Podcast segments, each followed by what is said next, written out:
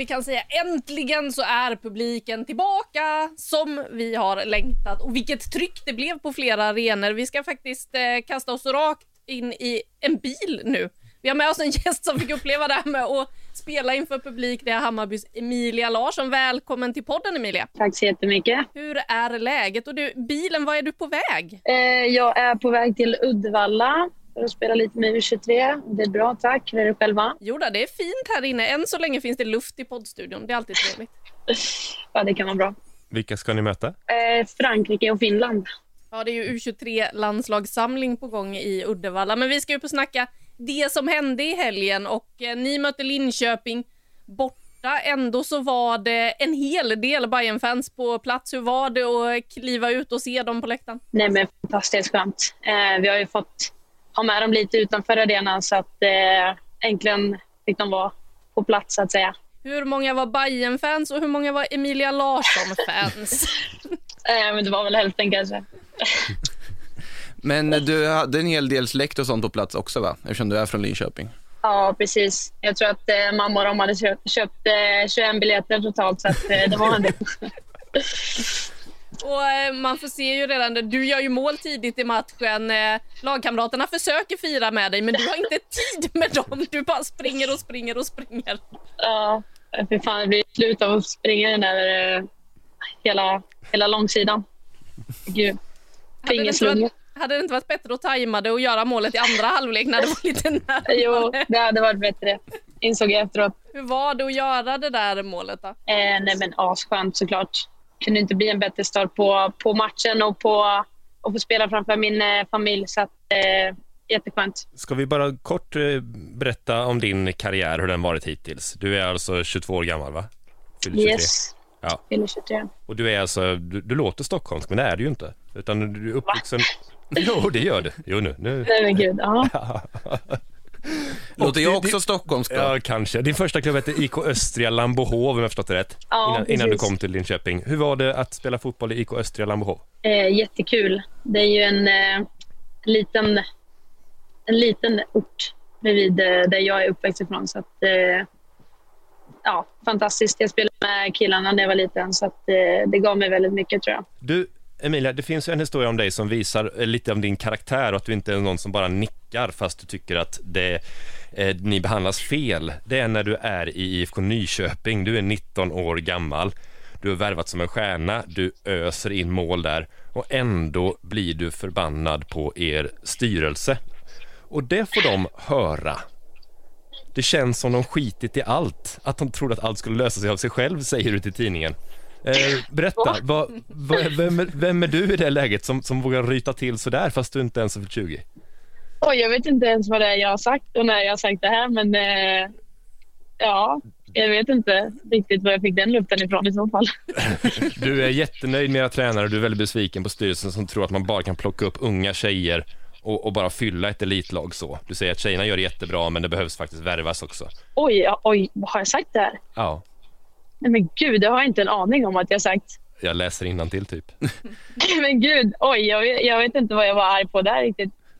Det känns som en sak som man kanske kan säga i IFK Nyköping. Det hade blivit mer rubriker, man kommer inte ihåg om har sagt det i Hammarby, liksom, att vi, nu måste vi värva, värva rakt ut. Det, Nej, men jag, jag, vet inte om det var att vi inte kanske tog hand om alla våra duktiga spelare vi hade som var unga ifall det var något sånt. Annars har jag inte en aning om varför jag har sagt sådär faktiskt. Ja, jag, ska, jag ska inte rota i konflikten. Det jag är mer ute efter är att visa lite vem du är i det här läget. Att det finns något spännande med en person som faktiskt bär sitt lag. Du var ny i laget, eh, du är bäst i laget Jaha. uppenbarligen där och att du fortfarande på något vis säger ifrån och vill skydda ditt lag och säga att nej, vi, spelarna gör det jättebra, tränarna gör det bra, men någonstans måste styrelsen se oss och behandla oss bättre än sådär.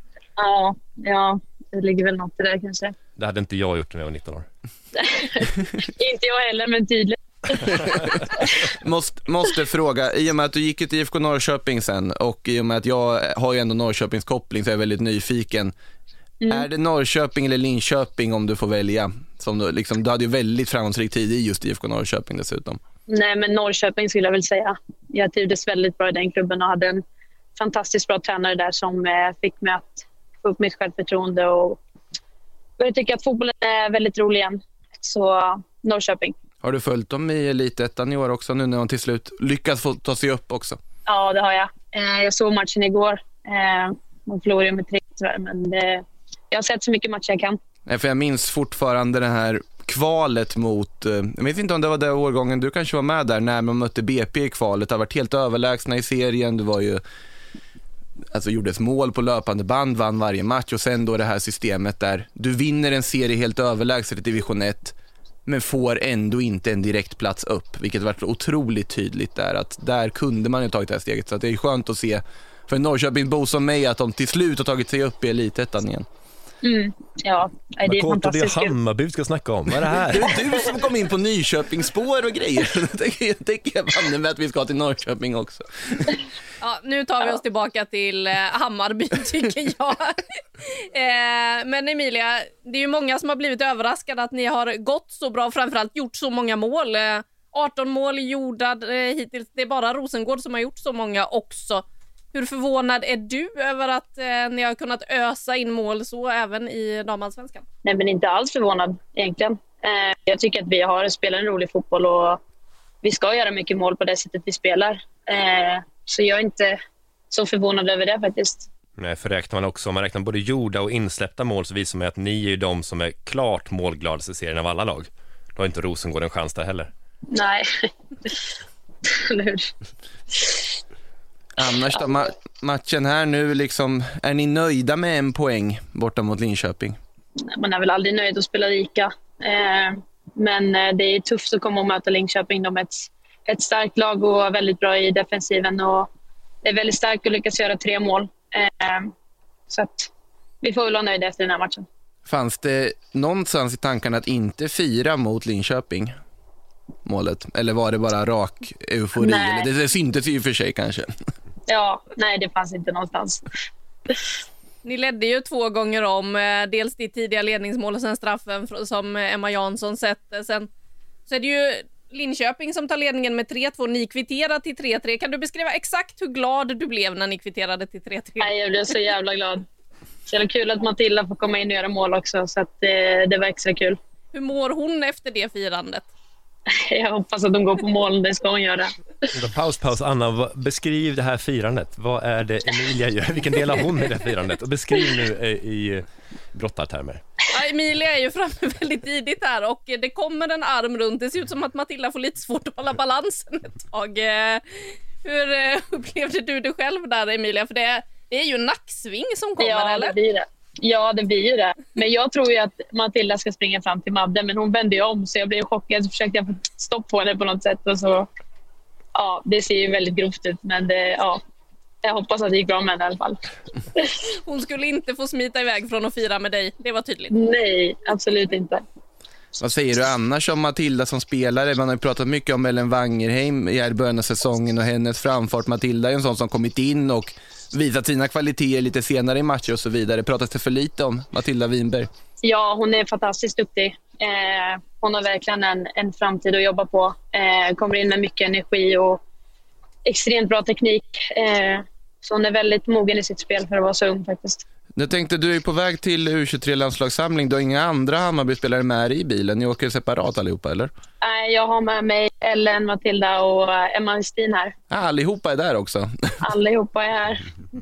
Sitter och lyssnar på mig. Härligt. Ropa hej då, hallå! Ni är med i podden. Säger ni ska säga hej nu allihopa här. Hej. Bra. Härligt. Är de, känner de sig trygga med dig som chaufför? För du var inne lite här på att GPSen var lite svår att slå in var ni ska för någonstans. Jo, men det hoppas jag. De har inte sagt något i alla fall. De kanske inte vågar säga någonting heller. Du, eh, klivet upp till damallsvenskan för dig. Har du inte hört talas om att man ska ha en akklimatiseringsprocess och ha det lite tufft i ett halvår? Jo, eh, det har jag. Det tycker jag väl att... Eh, eller jag har haft. Jag tycker inte att det... Det har väl gått eh, hyfsat bra, men det tycker att jag har en lång bit kvar.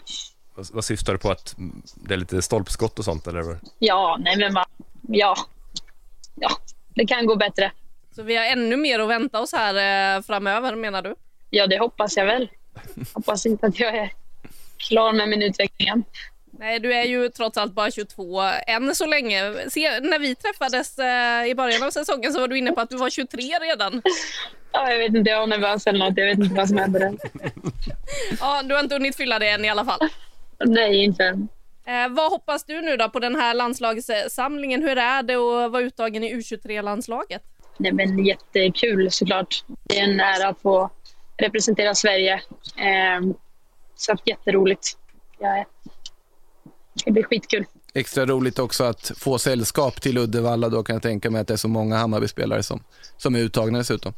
Ja, verkligen. Jag tycker att alla tjejer är värda den här platsen, så att, eh, jätteroligt. Och när eh, det väl drar igång i damallsvenskan igen sen så väntar ju först en eh, bortamatch mot Piteå. Då kanske ni inte får så mycket publikstöd. Det kanske inte är så många som åker hela vägen upp till Piteå, men eh, dagen innan midsommar, då känns det som det kan bli fest på Söder, eller? Det tror jag. Det är jag helt övertygad om. Hur mycket betyder det att få släppa in fansen på arenan igen för en gångs skull? För som du var inne på i början, ni har ju kunnat ha dem utanför på kanalplan en hel del, men nu ska de äntligen få komma in. Ja, men jättemycket såklart. Jag tror att det kan eh, betyda väldigt mycket för dem också att få komma in och, och vara så nära oss. Eh, så lika mycket för dem som det betyder för oss, eh, hoppas jag. Men till Piteå-matchen så får ju June Pedersen se till att samla ihop 21 bekanta minst då för att bräcka ditt, ditt liksom antal biljetter. Det Ja, känns ju ja, ja. Tio år borde hon ju lyckas samla ihop till 21 personer åtminstone. Ja, det hoppas jag. Allt Ja. annat är dåligt. Vi får se vad ljuden kontrar. Men du Emilia, tack så hemskt mycket för att du hade tid att vara med här lite på vägen till Uddevalla. Ja, tack så mycket. Vi hörs, ha det fint och lycka till på samlingen. Hej, hej! Tack så mycket. Hej. Ja, Emilia Larsson och ett helt gäng Hammarbyare. Matilda Winberg verkar ju ha mått ganska bra då ändå om hon satt i bilen. Ja, ja, hon kanske hade något sånt stödkrage, det vet vi inte riktigt. Men, Nej, vi fick ingen bild från bilen. Men eh, till saml- U23-samlingen ska hon ju. Och Hejen lät pigga i alla fall, så vi får ju gå på det helt enkelt. Ja, och vi, vi hyllade ju en gång Olivia Skogs målgest för att den är så ehm, introvert på något vis. Den är inte riktad mot en publik Veven. eller någonting. Ja, veven ja. Och, och du, det är väl samma sak här, det är, det är ingen koreografi här. Alltså dö... nacksvingen menar du? Nej, nacksvingen. Det Ja. är den vi älskar mest av allt. Eh, alltså döden för målgester var det här förbannade isländska laget skulle bli virala genom att helt enkelt göra en sån massformation, olika båtar och sånt där. Stjärnan, ja. Ja, Och det skulle fiskas. Och, ja, Ja, ja, det, man, mår, man blir så illamående av det. Man blir illamående av herrspelare, de fick ju Kristuskomplex när de är i mål också, men, men det där var ändå det värsta av allt, när det bara skulle arrangeras för en publik eller en videokamera skull. Och motsatsen är ju just när folk bara springer så, som, som dårar, som, som, som bistuckna eh, eh, barn, liksom sådär. Och där fanns ju någonting av det i Hammarbys kvitteringsmål där. Någon springer, någon fångar upp, någon byter riktning, någon blir nedbrottad. Ingenting är meningen, det är bara känslor på en gång och det, det är himla härligt. Vad tycker du om målgiffar? Jag avskyr det. Jag bara, ville bara fråga, antog det. Men Viktigt att poängtera ändå. Och om vi ska hänga kvar lite i det här med publiken då som ju för första gången släpptes in eh, på arenorna den här helgen. Det är ju max 500 och så blir det ju mindre på mindre arenor och sådär för att coronaavstånd ska kunna hållas och så vidare. Men eh, det känns ju som att publiken har gett effekt. Vi kan väl börja med matchen jag var på och fick uppleva publik på plats och man kände wow vad mäktigt. Nu satt jag också precis jämte eh, klacken på Stockholms stadion där Djurgården då mötte Eskilstuna. Men vilken kraft det blev i sången från 500. Eh, jag pratade med Fanny Lång i Djurgården efter som var tillbaka i startelvan för Djurgården som spelade fembackslinje i den här matchen. Hon pratade om att hon började gråta under inmarschlåten för att det var så mäktigt att höra låten, se fansen och bara få det stödet. Och Djurgården, Kristoffer, vann matchen. Åh, vad härligt att få prata om dem ja. ja det, det här är ett lag som, som ligger mig väldigt varmt om hjärtat, Djurgården, för jag tycker om dem och, och eh, nu, nu vinner de igen här, eh, precis som i premiären. Och det, det är väl härligt, det, det var samma siffror också va? 1-0. Eh, eh, och ett mål som liksom inte riktigt, ja men det, det bara blev liksom sådär. Det är Samora som är mål sitt första va, tror jag, för, för serien. En, en lite slumpboll hon når, det är väl en hörna först. Det är en och hörna. så sätter hon in den så här.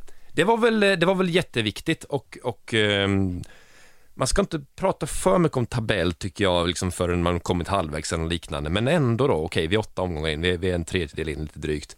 Och de här tre poängen gör ju ändå att det, det, det blir ju liksom en lucka till Växjö nu väldigt, väldigt tydligt.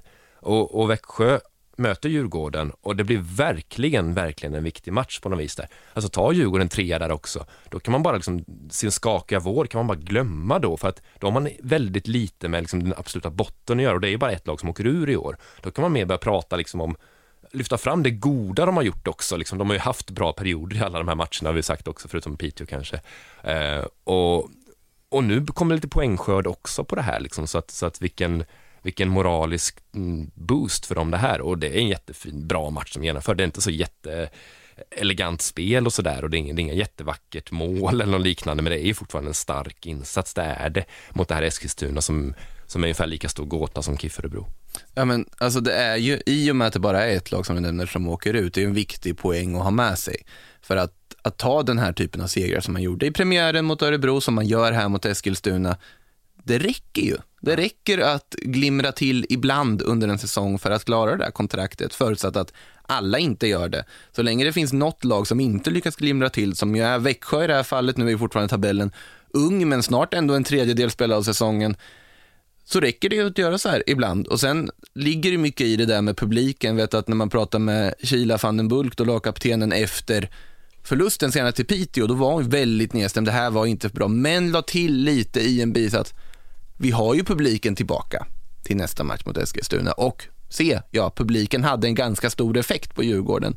Man känner pressen, man känner stödet och så vidare och lyckas då ta en riktigt viktig gnetseger på alla sätt och vis. Så att Samora får göra sitt första mål, det är också symboliskt i sig att hon då som kanske haft störst förväntningar på sig när hon har kommit dit med hypen som varit, och alla mål hon har gjort i Lao i Chile, får öppna målkontot, att det kanske kan lossna för henne nu. Såklart det här var så otroligt viktiga tre poäng på alla sätt och vis för Djurgården i det här läget. Och också cred för att man faktiskt inte då valde att sparka tränaren i det här läget. Kanske att man ändå fick resultat av att man hade fortsatt förtroende trots att det stormade ganska rejält. Att nej men nu ger vi Pierre och det här teamet chansen att vända på det här och vi får väl se vad som händer i nästa match men hittills så har man ju fått effekt av det. Mm. Det som eh, man ser tydligast effekt av är ju det här valet, skulle jag säga att man väljer att spela en fembackslinje i mm. den här matchen.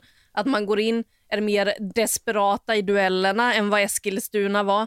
Eh, Felicia Rogic i Eskilstuna var oerhört frustrerad efter. Liksom, hon bara, det är ju vi som spelar boll, men vi kommer inte till chanserna. Det är Djurgården som visar desperationen i det här och eh, fembackslinjen gör ju att de skapar en hel del chanser. Eh, vi såg ju förra året vilken vänsterfot Fanny Long har i målet hon gjorde som utsågs till årets mål. Eh, de fasta situationerna de får med henne på planen gör ju att de faktiskt kommer till några lägen då och då. Man kan backa hem, vara trygga i sitt försvarsspel och så blir det något uppspel och så kommer Samora mer till sin rätt när hon får spela mer i den position hon är van vid, eh, vilket man också såg redan i fjärde minuten höll hon ju på att göra sitt första mål, rundar Emma Holmgren men sätter den i burgaven. Så att det känns som att den där formationsändringen är någonting Djurgården borde fortsätta med för att eh, det var flera spelare som verkligen kom till sin rätt i den. Och så måste man ju ha kvar den här desperationen då. Jag kan tänka mig att det kanske inte blir lika mycket Djurgårdsfans nere i Växjö, även om det kanske inte då heller finns någon högljudd Växjöklack som kommer att elda på Växjö DFF där. Så ska det där bli en väldigt intressant match att se efter eh, det här uppehållet. För ja, förlorar Växjö den så ser det ju tungt ut. De har alltså tagit två poäng hittills, så vi kan väl gå över till den matchen. Eller har ni något mer om Djurgården? Ja, men man kan väl säga någonting också om Eskilstuna. Alltså ja. det de gör nu, eh, de har under flera säsonger varit seriens bästa omställningslag kan man säga. Eh, framförallt då Kulashi och Fanny Andersson och, och eh, Rogic då. Eh, men det vill de inte vara längre. De vill vara ett possessionlag som spelar ut motståndet. De vill, de vill stöta högt, vilket de kan göra ibland också, och de, de vill kunna rulla mer. Och det det är lite bökigt för dem att, att skola om sig sådär. För nu alltså, Djurgården backar alltså hem helt för att möta det här possessionlaget som inte är så bra. Det, det är också då Rogic ger uttryck för där, att de skapar inte så mycket. Nej, för det är en skicklighet, en helt annan sorts fotboll än de är vana vid. Och jag är övertygad om att de hade haft fler poäng om de hade kört på med det gamla hittills. Men jag är inte övertygad om att de tar fler poäng nästa säsong eller något vidare. Alltså man kollar på laget är på väg. Man kan inte riktigt vara ett Champions League-jagande lag kanske och bara satsa på kontring. Det är lite renodlat, det gjorde de inte alltid förut. Jag menar inte riktigt så, men jag menar ändå någonstans att du måste kunna äga matcher lite mer och det har de förstått och det har, det har ju tränaren som kallas för Munken också förstått. Eh, men å andra sidan, hur kul är det att hålla på här? Det funkar ju inte. Alltså just nu är det ju inte riktigt bra och, och det är väldigt konstigt. De är en Alltså de, det är som de går emot sin egen natur lite just nu, hur laget är byggt, vilka spelare de har. Um, så de är, ja vad är de? De är en, en gädda som vill vara en fladdermus. Nu, nu har du ju tappat bort det helt i metaforernas värld. Det, det har jag gjort själv så jag vet hur Det jobbigt var det är. en när man är- mycket stark metafor. Men, Eh, men det, det- ligger något i det för att alltså, det känns inte övertygande där de håller på med just nu. Om man tittar på den förra säsongen också, att det var ju ett stort misslyckande där man låg nästan lite bättre än vad man gör just nu. Då var det ju ändå så här, kan Eskilstuna åka ur? Nej, men de ska ju vara för bra för det. Truppen är för bra för det på pappret och allting. Det ser ju inte bättre ut nu. Nej. Det ser ju faktiskt inte bättre ut. Jag vet att jag tippade dem väldigt högt inför säsongen, mycket baserat på att de har en väldigt, väldigt bra trupp med väldigt många otroligt kompetenta spelare på individuell nivå, men kollektivet verkar ju inte fungera. Så enkelt är det, det syns ju på plan. Och man ska inte ta någon heder ifrån Djurgården, absolut, men det här Eskilstuna, det finns anledning att oroa sig. Det är en poäng som skiljer med ett lag som vi har satt krisrubriker på varje vecka, vecka ut och vecka in. Eskilstuna har gjort det på något sätt i, i skymundan på att man ändå kunnat gått på att ja, men vi har ju bara förlorat mot Häcken och eh, Rosengård. Vi har ju kryssat och vi kunde ha fått med oss tre poängar i vissa av de här matcherna, absolut. Men det är inte som att man kanske förtjänade en trepoängare i Gnällikot mot KIF Örebro. Man förtjänar väl inte egentligen så mycket mer än man får i den här matchen heller och det är sällan det är ett problem att de bara har vunnit en match på åtta försök i princip. Och de kan de kryssa hur mycket de vill. Kryss räddar inte kontrakt. Det är segrar som räddar kontrakt. Nu tror inte jag Eskilstuna löper någon risk att bli jumbo och åka ur. Det är inte det, men sett till ambitionerna som den klubben har, borde ha, och sett till allt de gör utanför planen dessutom och alla initiativ de tar och den ändå supporterbas de har och liksom position de har i staden Eskilstuna. Det här är inte bra nog. Det, det är ju enkelt att konstatera och det vet ju säkert spelarna själva om också att det är inte bra nog det som visas just nu. Nej, och man märkte ju det på Rogic att det var otroligt frustrerande att stå där och känna att man inte lyckas med det spelet man vill. Eh, det är säkert en och annan som blir förvånad om man kollar på bytet som gjordes eh, med typ halvtimmen kvar att spela. Fanny Andersson ut in på topp, Veila Barsley. Då, då, då vet de vad som väntar i offensiv väg. Då ska det slås inlägg och så vidare. Men eh, det finns ju en tanke med det också. Det där funkar det där, flytta upp en försvarare i anfall, knepet i desperation. Det är nästan positivt att se sån desperation, att det ändå finns en sån vilja. Att man försöker att, man vågar göra det. Men ja, det, det ser inte bra ut och det ser inte ut som att det där fjärde platstipset kommer hålla i alla fall. Det är ganska långt bort. Och tar man individuellt då, som det som är stjärnor, alltså nu tar, räknar jag bort Ajinde till exempel, och som är skadad, men alltså tar man Loreta Kulashi och Felicia Rogic så är det två spelare som eh, varit inne i landslaget i alla fall, den ena av dem, de har varit eh, mycket rykten om utlandsköp, eh, alltså de ska gå utomlands och sånt där. Det är ju lite svalare just nu. Alltså Kulashi, vi har inte ens nämnt henne till, till någon OS-trupp, för helt enkelt att i det här spelet har inte hon riktigt kommit loss liksom sådär helt och hållet som så som de är ju jättebra kontringsspelare och de kan ju mer än så, men, men nu när inte det här kollektivet funkar så, så är inte heller de så utmärkande bra.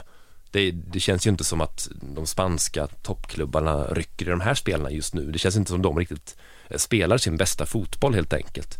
Eh, och det är ju en gåta och det är ju faktiskt eh, Magnus Carlssons ansvar då också att frigöra sina, sina kreativa genier på något sätt som man inte lyckats med hittills i år, mer än i vissa partier i matcherna. Det är ju oroväckande man tittar att vilka spelare har egentligen förbättrats i Eskilstuna de senaste åren. Man tittar vilka har tagit steg framåt. Man pratar ju ofta om det, om man, man kan bedöma en tränargärning på det, att vilka spelare har tagit kliv framåt under den här tränaren.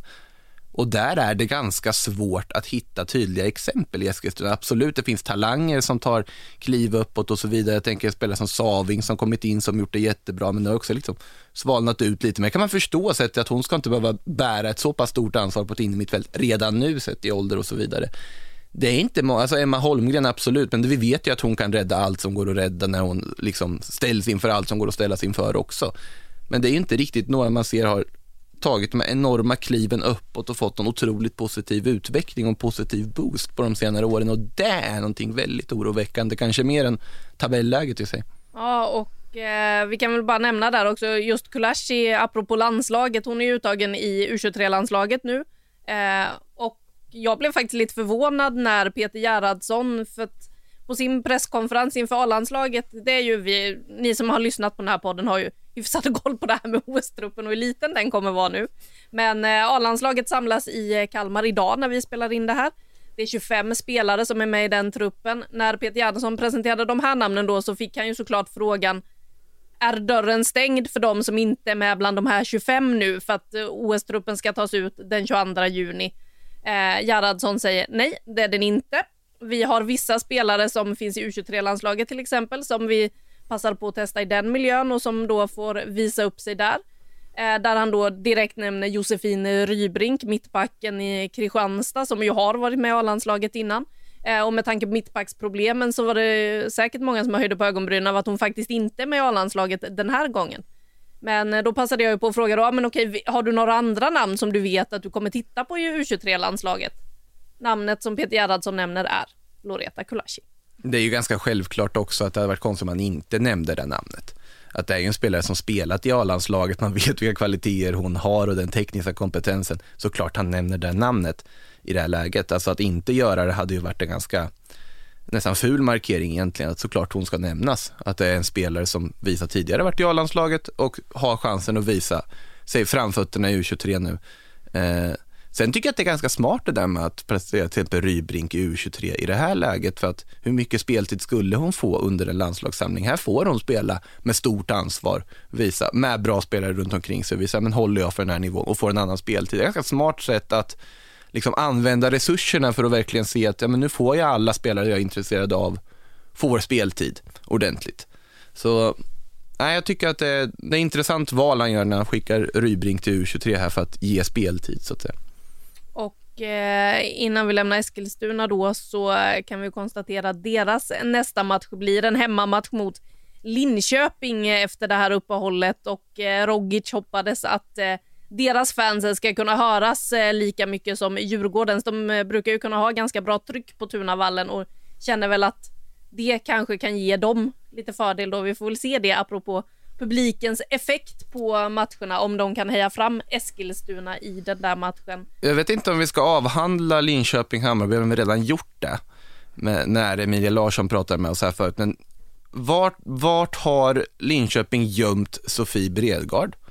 Alltså tidigare. Vart, vart plockar de in henne från ingenstans, öser in två mål, 19 år gammal danska som, som bara plötsligt dyker upp och jaha, varför har inte hon spelat tidigare? är det enda man frågar sig.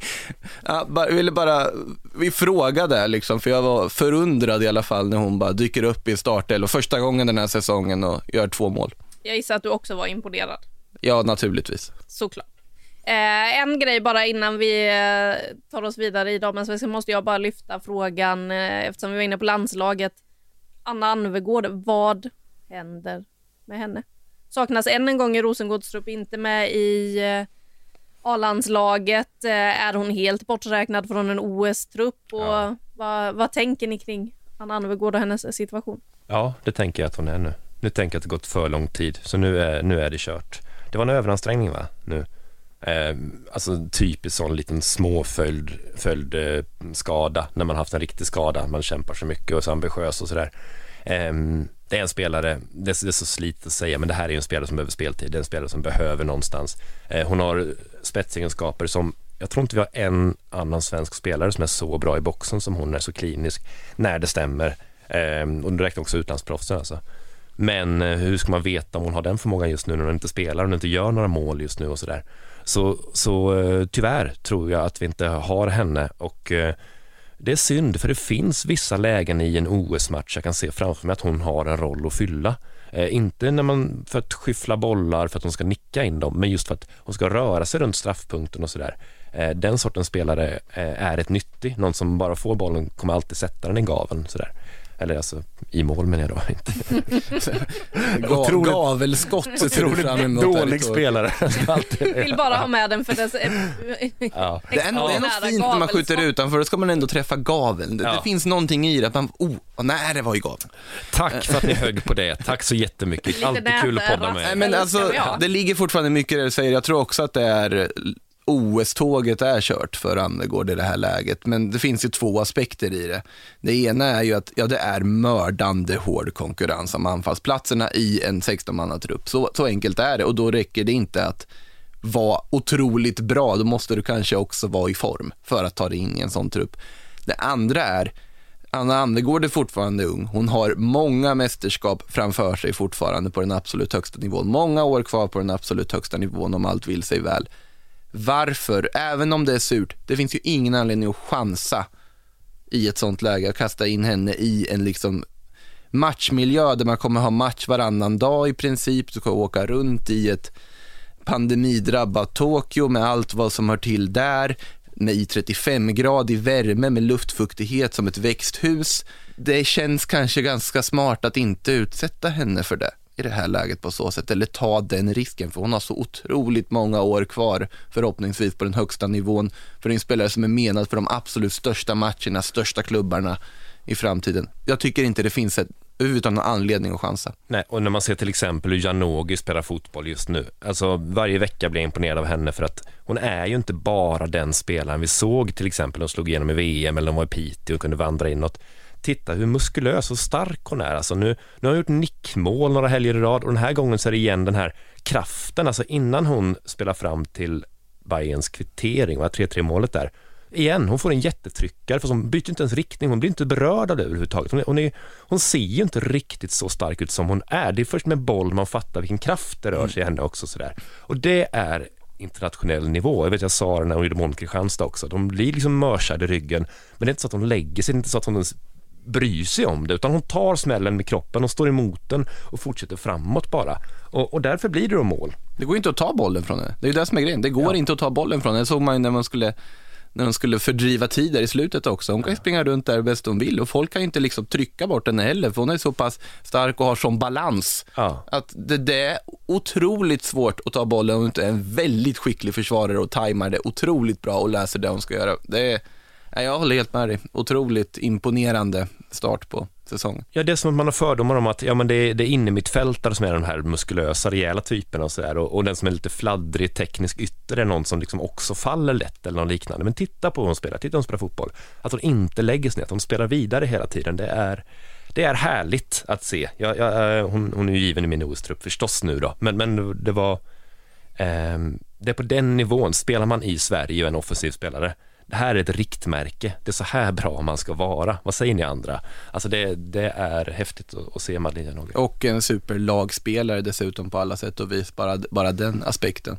Man kan ju ha den fördomen också att tekniska yttrar kan spela mer för individen än för kollektivet ibland. Det, det gäller inte Madeleine Janogy heller. Eh, Hon har ju något eh, irrationellt i sin spelstil som Peter Gerhardsson också eh, gillar väldigt mycket, kan bryta mönster som inte riktigt finns i övrigt i truppen så att eh, jag hade ju faktiskt eh, med henne, jag måste få säga det nu, redan i min första OS-trupp innan damallsvenskan drog igång. Ja, men nu, nu Då pratar vi inte du om det. Nu pratar vi inte om det. Växjö vi prata om. Växjö Vittsjö Ja. vill vi prata om. Hur var det? Vi ska faktiskt gå vidare Ja. nu. Eh, Vittsjö IP ska vi till och eh, för det första min spaning som gör mig glad när jag tittar på laguppställningarna den matchen är att Tove Almqvist finns på bänken, Stina Lennartsson finns på bänken, Elin Karlsson finns på bänken. Du, Tre- hat, du hatar den trion, har dem bänkad. Ja, exakt. Nej, tre av spelarna som drog korsbandet i början av förra säsongen. Nu börjar de äntligen komma tillbaka. Snart kan de förhoppningsvis spela också. Ingen av dem blev inbytt i den här matchen, men det är ju glädjande att se att eh, de korsbandsskadade spelarna är på väg tillbaka. Jag pratade ju också med Elise Kellon Knight i Hammarby eh, som är i full träning. Hon väntar bara på klartecken från det medicinska teamet. Nu är hon iväg med Australiens landslag som ska ligga och glassa i Båstad i några veckor. Och det lät som de skulle vara här i en evighet fram till eh, Tokyo ungefär för att spelarna inte kan åka hem och sådär emellan sen. Så att, Vänta, så de ska hänga på Båstad medan svenska landslaget då väljer att hänga i Kalmar istället? Fullt rimlig prioritering, skulle jag. Varsågod och snacka skit om Kalmar Nej, nej men alltså, för sig, de ska inte träna på Gasten va? Eh, nej, Fredrik Skans och Guldfågeln. Ja, det lät ju mycket trevligare än. Jag tänkte att man tänker liksom läger i Kalmar, då tänker man att det är Gasten som gäller och där, där vill man ju inte utsätta någon fotbollsspelare för att behöva träna där egentligen. Nej, det är inte den charmigaste träningsplanen som finns i detta land. Men nu My- går vi mycket till... bilar runt kan du ju titta på i alla fall. Absolut. Nu går vi tillbaka till Vittsjö, Växjö för det här typ hundrade försöket att prata om den matchen. Så att, eh, Jag har bara en grej om... tack Kristoffer. Eh, matchen som eh, Växjö faktiskt eh, gör ganska bra, håller Vittsjö borta från mål väldigt länge. Dessutom i den andra halvleken faktiskt spelar ganska fint offensivt, skapar några chanser, har en boll i ribban och sen så kommer straffen. Klara Markstedt eh, får en straff med sig efter en duell med Shannon Wöller som blir helt rasande över att domaren blåser straff. Innan detta ska vi också då notera att man har behövt byta domare. Pernilla Larsson skadad, fick en känning. Så att eh, man byter domare och eh, det blir straff för Vittsjö. Växjö vill sen ha straff, får det inte. När eh, Elin Nilsson går omkull i Vittsjös straffområde. Kristoffer, du har tittat lite på de här situationerna. Kan du eh, berätta vad det är som händer och sker och vad som är rätt och fel? För gissa vem som är arg. Ja, vem som är arg? Stefan Karlsson. Jaha, ja, det är klart han är. Ja, ja, ja, ja, visst. Det är han alltid. Han vaknar arg. Vilken dålig natt det har varit! Ah! Eh, jo, nej men det som händer i de här situationerna, de är inte så lika varandra. Men, men Shannon Wöller är ju så arg att hon också efter att straffen går i mål är fortfarande jättearg. Eh, det som händer där är att Klara Markstedt gör det väldigt bra. Alltså den boll som dimper ner i straffområdet, Klara eh, är före på den, Eh, hon, hon bryter sig fram, hon får en arm över sig, hon får typ två armar, blir lite smådragen, fortsätter springa, fortsätter ta avslutet. Eh, och, då visar hon att hon har en ryggsäck på sig på något sätt, att en försvarare som inte hänger med liksom. Hon blir neddragen. Det är väldigt skickligt gjort. Eh, jag hade också dömt straff där. Jag tycker att det är en straff. Eh, för jag tycker att den sak att du, du bröstar eller du går in med skuldra är en sak, kan man göra en gång, men när man börjar hänga med lemmar över på det här viset och, och smådrar, ja men då riskerar du att ådra dig en straff. Eh, jag tycker det är klumpigt försvarsspel eh, och man har sett Vittsjö, de är ju bra, båda deras forwards, alla deras forwards är bra på att helt enkelt ta sig loss ur sådana här situationer. Så att, så att Markstedt hade nog gjort mål utan den bevakningen. Och det är ju ett fult knep Shannon Waller använder och, och sådana går ibland hem liksom. Men det är värre när du, nu börjar dra, när du börjar liksom inte göra det med hela din kropp, med din torso, utan du börjar göra det istället med, med armar och ben, liksom slingra dig runt på det här viset. Eh, den andra situationen däremot, Elin Nilsson, hon är ju eh, liksom i krysset av straffområdet, hon har ingen målchans, hon är på väg ut nästan och hon dribblar lite och så verkar hon få en spark på ena eh, benet och hon får också ett slag i magen tror jag i det här läget. Eh, det blir inte straff och det tycker inte jag det är heller. För det, skillnaden där är att hon lägger sig. Och nu menar jag inte filmar, för filmar är när man liksom ingenting händer och man bara kastar sig. Nej, det är inte det som händer. Utan det som händer är att hon får smällen och lägger sig. Om man kollar på den repris, om ni kan hitta det här målet som går på highlights eller någonting, eller på den här situationen, så ser man att hon har all möjlighet att sätta i sitt högerben. Hon får en spark på vänsterbenet. Hon är på väg, liksom, hon är mitt i ett löpsteg, högerfoten är liksom i luften så att säga. Och hon ska sätta i foten, istället väljer hon att bara vika ner den och kasta sig istället. Eh, gör man det så är det en signal till en erfaren domare att hon kastar sig.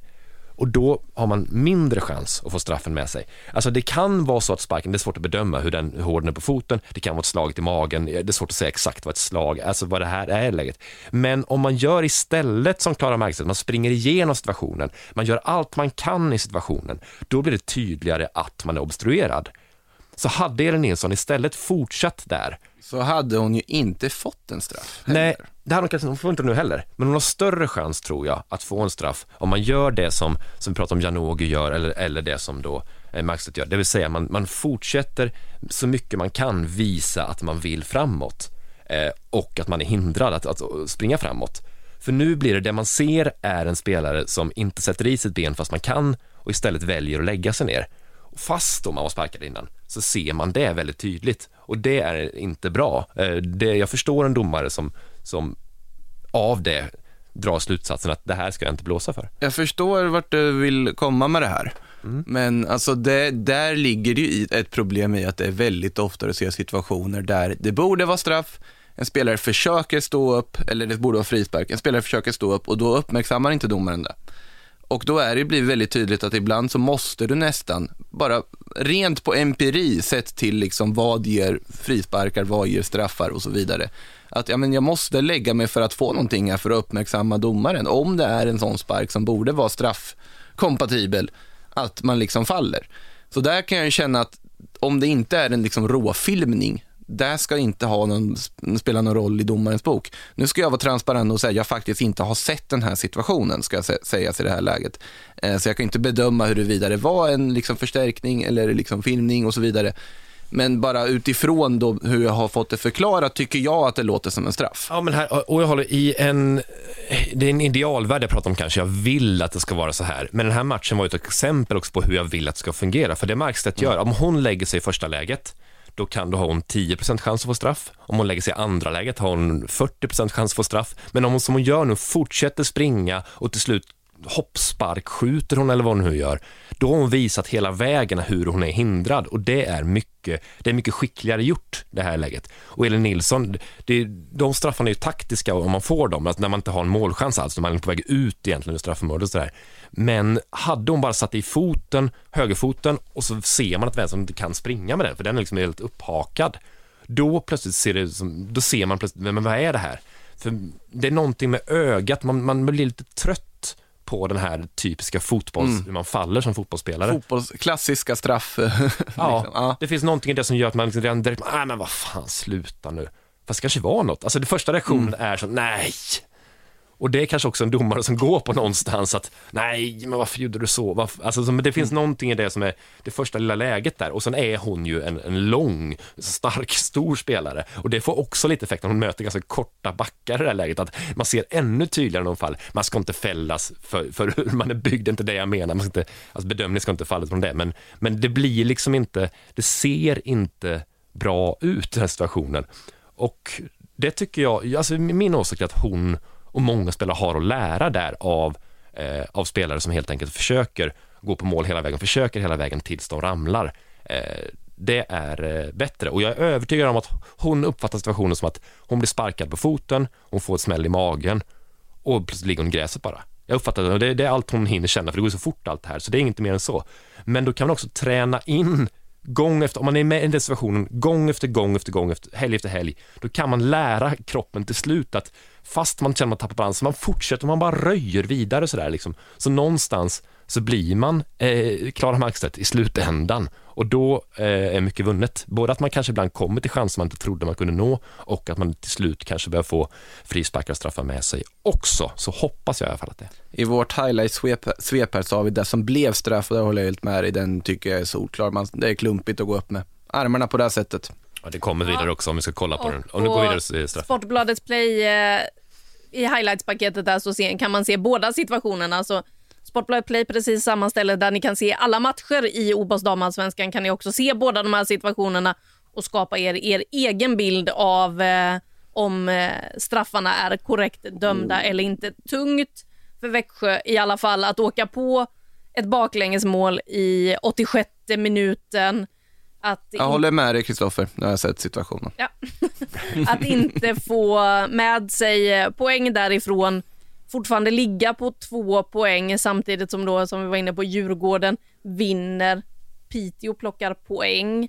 Avståndet börjar växa, men det är bara åtta, åtta omgångar spelade. Växjö måste ju få in någon som gör mål. Man klarar sig ändå bra i den här matchen. Jag tycker att Elin Nilsson gör ett fint jobb på mittfältet där hon ju numera spelar. Hon har ju varit ytter väldigt mycket men fått jobba in centralt, kämpar, sliter.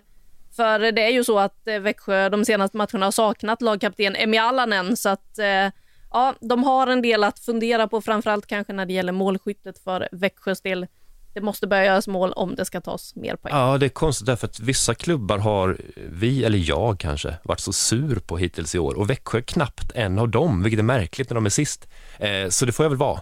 Eh, men det man ser är att de sätter ju faktiskt försvaret numera och utifrån att de sätter det, det var precis det, de krisade jättemycket i våras och förra våren eh, och lyckades sakta och då börjar de med att sätta försvaret och det har man kommit till nu också, det, det sitter där, man släpper väldigt lite mål i förhållande till sin position liksom och släpper till ganska få målchanser också alltså. Så det i sig är ingen jättefara att förlora mot Vittsjö. Det är ju en jättesvår match sådär. Eh, men, men nu finns grunden där också och jag, så att tabellen är jätteoroväckande. Det jag ser på planen just nu är jag inte jättekritisk till ändå. Jag tycker att det finns en, en tendens där utifrån material och, och så vidare. Eh, men, men det räcker ju inte bara att vara rätt okej på planen så länge man, man ligger där man ligger och så länge man gör så otroligt lite mål som, som man gör då. Så vi får väl se lite vad, men, men den här matchen som kommer nu, den är ju så häftig. Jag, Ja. jag vet inte om det är hit, årets hittills mest spännande matchen som kommer, alltså Djurgården-Växjö. Eh, ibland blir det såna här liksom, man bara känner extra, det bara känns i magen mer än intellektet liksom sådär för att, men det finns ju flera lag där nere sådär, men just nu Djurgården och Växjö, den, den vill jag verkligen inte missa. Den vill jag sitta sådär som, som heter en Clockwork Orange med ögonen uppspärrade så här med något sorts, så att det inte kan blinka ens. För att jag vill se precis hur det går där, för jag, jag har inte en aning, men jag fattar att det, ändra lag står tre poäng där, det är väldigt viktigt för deras säsong. 13.00 20 juni ska ni bänka er för att se den här matchen. Antingen då på Visma Arena i Växjö där den spelas eller framför Sportbladet Play. Men hörni, det är ju två matcher den här helgen där det inte blev några mål alls. Och det här måste vi prata om. Toppstriden. Nu Rosengård släpper in Häcken i toppstriden. Man tappar poäng för första gången borta mot Kristianstad. Så har Häcken Piteå hemma. Tack men nej tack. Vi ska inte ta in Det blir några 0-0 där också. Ja. Vad var det som hände i toppstriden den här helgen egentligen? Nej, Piteå försvarade ju med kinder och näsor och munnar och pannor och vad det var. Det var ju härligt att se att de, de höll igen där. Nej, alltså det var ju... Ja, vad händer? Ja, det är två offensiva lag som misslyckas. Ja, absolut, men de möter ju också väldigt starka defensiva lag, så, så är det ju liksom. Så att det, så det, det är mer en tillfällighet, men det är kul att se bara om man börjar räkna lite. Jag satt på bussen hit idag och räknade målsnitt med och utan publik. Eh, alltså 2017 så gjordes det 2,98 mål, 2018 3,12 mål, 2019 2,2. Alltså tre år i rad med publik görs det ungefär 2,8-2,9 mål per match någonting. Sen blir det utan publik. Exakt samma målsnitt. Det håller i sig, 2,9. Det händer ingenting där, så det det man har sagt om det. Men kommer den här säsongen nu då? Så hittills Ja, så tar man- jättemycket så tar liksom. man sju, sju omgångar, två och ett halvt mål i snitt, lite lägre än det brukar vara varit hittills i år. Sen tar vi in publik, vad händer då? Då rasar målsnittet totalt. 1,67 mål per match. Så det enda jag kan rekommendera att bort med publiken, ni förstör. Var inte där och kladda. Var inte där och ropa massa grejer, det blir ju inga mål då. Försvinn. Detta är alltså baserat på Kristoffer Bergströms statistiska analys baserat på en omgång mot sju. Med min mobil som miniräknare, japp. Vad var an- Håll använder man er annars som miniräknare tänkte jag precis säga. Så insåg jag att det finns ju mest stora man hade när man gick i skolan och skulle ha matte D och sånt. I alla fall, eh, det är Kristianstad, det känns som fel läge för Rosengård att möta dem. Att Kristianstad släpper inte igenom på det här sättet två matcher i rad. De, de är för bra för det helt enkelt. De, de var ju liksom revanschsugna efter debaclet mot Hammarby och, och känna nu, nu kommer vi täppa till, möter dessutom Rosengård och gör ju en strålande försvarsinsats här. Det är inga, inga konstigheter på så sätt. Och Piteå dessutom, det vet vi att de kan stänga igen när de vill också. Eh, två väldigt bra insatser mot topplagen får man väl, man får lyfta det snarare än att, och att Rosengård tappar poäng förr eller senare, ja det är såklart de skulle göra det förr eller senare och det är ganska logiskt att det kommer i ett derby borta mot Kristianstad egentligen. Jag tycker det är intressant att bägge de här lagen eh, dessutom inte hade sina första målvakter. Då pratar vi om Kristianstad och Piteå. Guro Pettersen fortfarande problem efter eh, skadan hon fick mot Rosengård. Nicole Persson stod för andra matchen i rad. Andra nollan. Andra nollan för henne. Och eh, i eh, Kristianstad bytte man ju också målvakt. Det var inte Brett Maron som stod utan Melina Löck som fick stå i den matchen. Ja, häftigt. Och starka insatser av båda. Det finns ju en hel del bra målvakter i den här serien. Men Kristoffer, du ska snart springa härifrån. Du Ja, står, jag är är liksom i stressad. startposition, men det här med publiken så måste vi bara prata då om eh, ett lag som hade publik på plats som bjöd på två fantastiska mål. Kristoffer, du får börja. Makoto, du kommer få hänga i, men eftersom Kristoffer ska springa iväg Ja, så... AIK, herregud vad vackra mål de gör båda två. Och så ska man väl tycka då att Hayashis mål, den här frisparken upp i krysset är det snyggaste, men nej, andra målet alltså att AIK gör. Eh, det, det är så underbart att se den sortens samspel. Eh, det, är, det är omgångens mål och det är ett av årets vackraste mål. just för att det är så många som medverkar och det, det handlar om löpningar och timing och, på ett helt annat sätt. Där. Jag, jag kan titta på det målet massor fler gånger än jag kollar på en, en perfekt slagen frispark. Ja, men alltså det där, den där lilla klacken Hayashi gör i det här målet. Man missar den först när man tittar på målet en gång, sen börjar man på andra gången så ser man bara den där lilla, lilla briljanta vidareklackningen till Kafaji som också är otroligt inblandad i det här målet, också i uppspelet och så vidare. Äh, det är ett, ett strålande fotbollsmål, verkligen underbart fotbollsmål. Uh, och sen frisparken är det verkligen inget fel på när hon får den här skruven till, såg den intervjun hon gjorde med AIKs egna då, medieavdelning där hon körde punchen igen. Det var ju en punch återigen, men det här var ju lite mer krok kanske snarare än en ren punch. Att det var en var en roundhouse, inte roundhouse kick heter det, roundhouse punch heter det inte. Krok, säger vi. Du sa Krok det bra. säger vi. Jag håller med.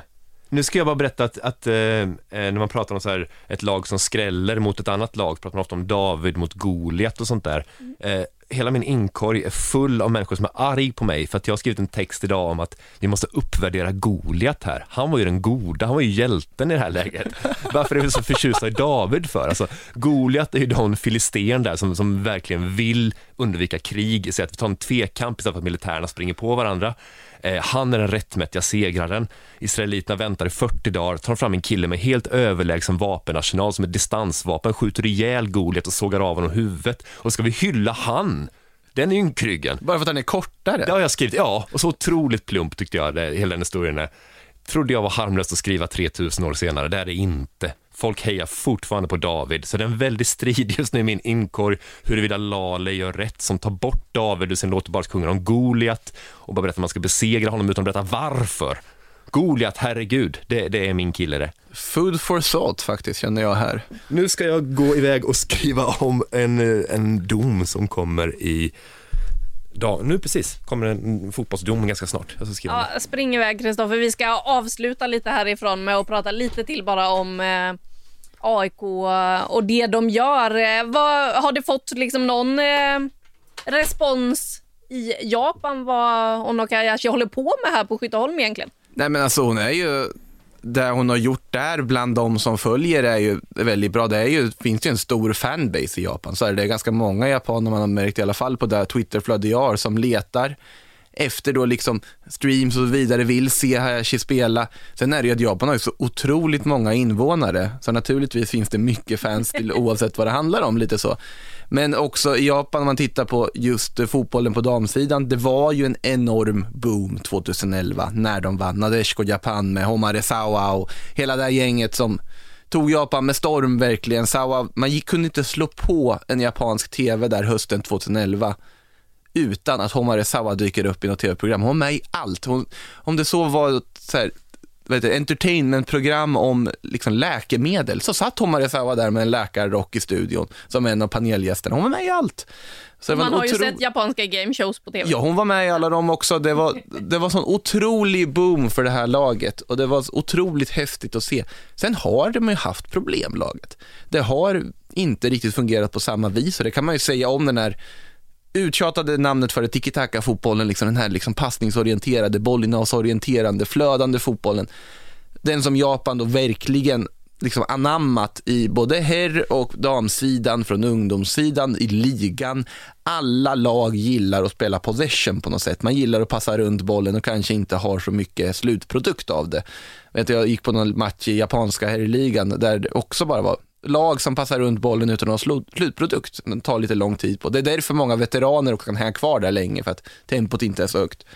Men de har ju en yngre generation på gång och Hayashi är ju en del av den. Så är det ju. Hon spelar ju verkligen på ett väldigt japanskt sätt, om man får säga så. Att men sen har hon ju också andra egenskaper. Hon är en tvåvägsspelare, hon jobbar stenhårt både i försvar och anfall. Hon har uppenbarligen en poängfot dessutom också här som hon har fått visa i AIK. Hon är ju den viktigaste spelaren de har på det här mittfältet. Det är inget att snacka om. Och för mig som halvjapan så är det ju såklart otroligt kul att se henne det hon gör i ligan nu och liksom uppskattningen hon får i AIK. Det känns verkligen som att hon trivs i AIK och AIK trivs med henne och de, jag tycker de har liksom långsiktigt klokt projekt på gång. Och där är ju också en intressant aspekt att om man tar Djurgården, då var ju liksom nyckeln till seger här, gå ner på en fembackslinje, liksom ta fram energin och liksom defensiva liksom kämpaglöden i AIKs fall så var det väl nästan att släppa lös på de offensiva krafterna.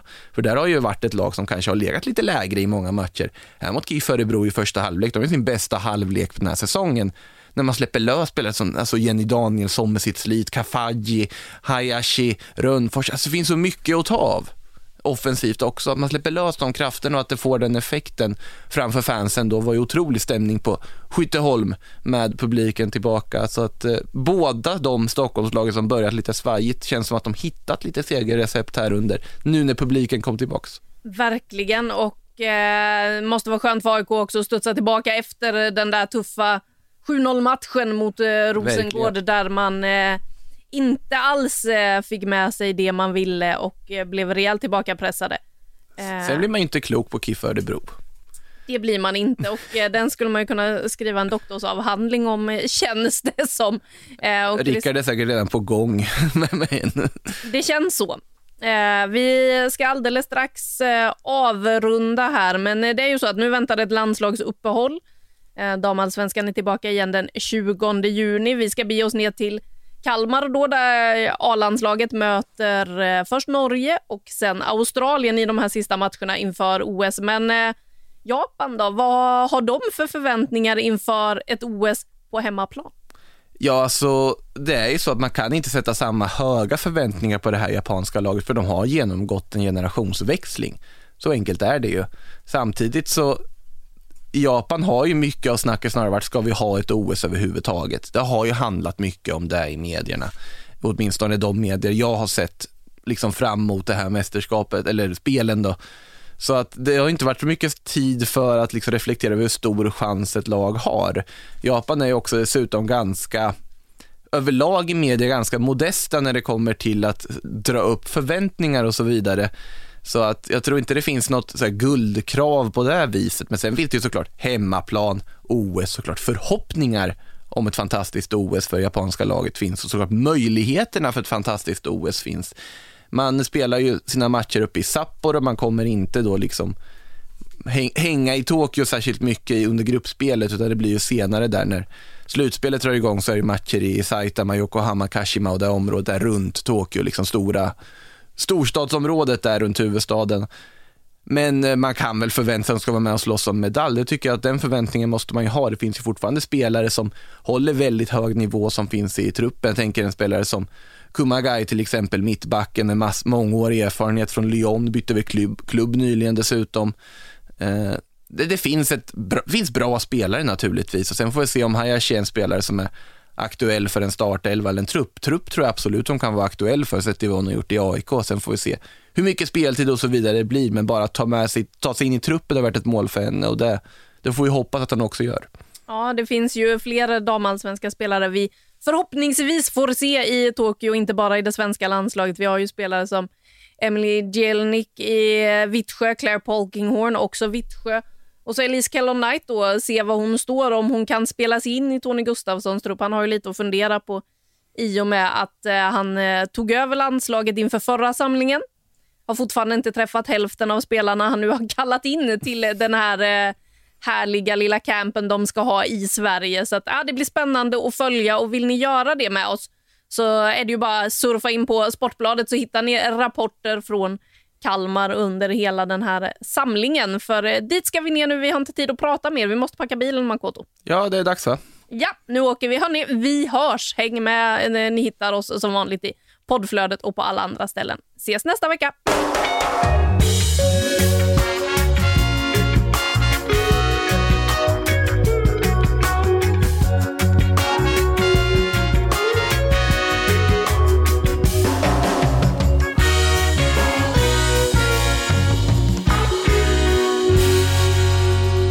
Du har lyssnat på en podcast från Aftonbladet. Ansvarig utgivare är Lena K Samuelsson.